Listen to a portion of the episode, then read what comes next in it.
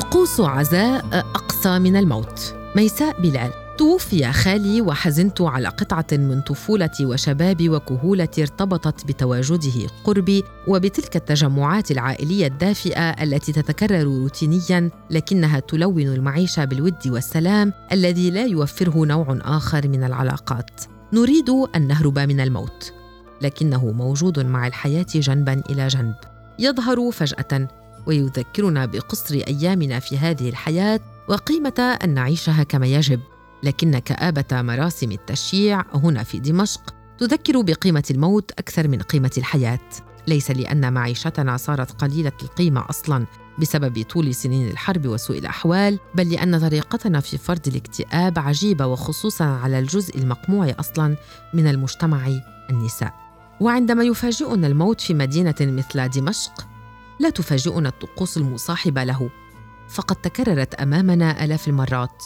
ولا تفاجئنا الصدمة الأولية والانضمام إلى عائلة الفقيد أو الفقيدة ومشاركتها الحزن ومحاولة التخفيف عنها. وكل ما يتلو ذلك من طقوس طويلة تبدأ بالتغسيل والتكفين والحمل إلى دار العبادة للصلاة بسيارة تنتقل بين الشوارع ليصرخ المنادي بأعلى صوته ترحموا على روح الفقيد أو الفقيدة مرا ببيته أو بيتها ليتسنى لنساء العائلة توديعه أو توديعها من وراء اخضارهن لأن النساء لا تشاركن بالجنازة ولا تصلين على الميت في المسجد ولا تحضرن الدفن مهما كانت صلة القربى بالميت. وفي مقابرنا البشعة التي صارت محاطة بالمناطق السكنية من كل الاتجاهات بسبب تمدد المناطق السكنية والتوسع الطبيعي للمدينة يتسنى للميت أخيرا أن يرتاح في قبر قديم لأحد أسلافه لأن المقابر لم تعد تتسع لقبور جديدة وساكنو المدينة يعتبرون مواقع القبور مقدسة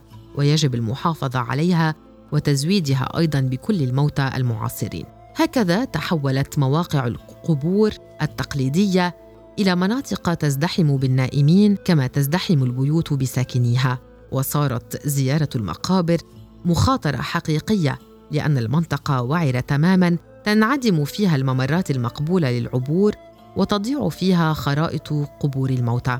وحتى هذه اللحظة يبقى الأمر مقبولا رغم كل شيء فقد ترك المرحوم بحاله أخيرا. وقدم الرجال كل ما يتوجب عليهم تقديمه بالدعاء له وإيداعه تحت تراب وطنه المقدس في مقبرة أجداده المقدسة. وهنا تبدأ مراسم العزاء التي تفصل فيها النساء عن الرجال كليا وعادة تسمى مناسبة تقديم العزاء للسيدات بالعصرية نسبة إلى توقيتها الذي يمتد من صلاة العصر إلى صلاة المغرب. وكانت في الماضي تقام في البيوت لكنها حاليا انتقلت إلى الصلاه العامة لكن خصوصيتها لم تتغير للنساء وإن اضطر أصحاب العزاء أحيانا إلى تغيير المواعيد على أن تبقى خلال النهار. وتدخل النساء في مجموعة من سيدتين أو ثلاثة إلى غرفة تجلس فيها حلقة من النساء الصامتات والملتحفات بغطاء أبيض وهن قريبات الفقيد أو الفقيدة. وتجلسن لدقيقتين بمواجهتهن ثم تخرجن كما دخلن وتدخل مجموعة أخرى وتحيي حلقة النساء المعزيات الداخلات عليهن بالوقوف عند دخولهن والوقوف ثانية عند خروجهن. يجري كل ذلك بجو من السكوت المطبق، وعادة ما تجلس النساء في الحلقة حسب ترتيب قرابتهن للفقيد أو الفقيدة. تبدأ من القرابة الأولية في صدر المجلس وتتدرج حتى الأطراف. وتتسلط أنسات الدين على مجالس العزاء وتسيطرن على الموقف بمجرد تواجدهن. إذ ترتبط معظم العائلات الدمشقية بمعلمات دين معروفات وكلما ارتفع مقدار العائلة كلما تكثف حضور الشيخات ليقمن بالدعاء للميت أو الميتة كما ينبغي.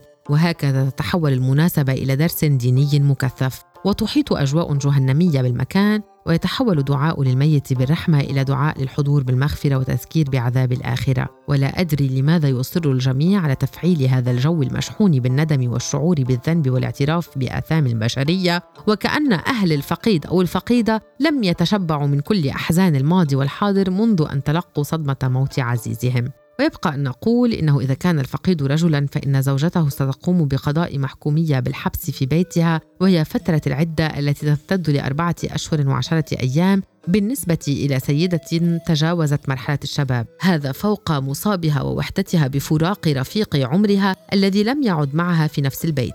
وتتفنن خبيرات الدين في تفصيل التعليمات القاسية التي يجب اتباعها خلال هذه الفترة والتي تتوارثها أجيال النساء بدون أي مراجعة منطقية مثل منع فتح النوافذ ومنع صبغة الشعر التي تعتبر بالنسبة للنساء فوق الخمسين هروبا رئيسيا من الشعر الأبيض ومظهر الشيخوخة ويمنع عليها المبيت خارج بيتها ولو عند أبنائها أو بناتها أو أهلها. والقائمة تطول ووسائل التضييق متعددة والجائزة أن ثواب الصبر على قسوة فترة العدة كبير.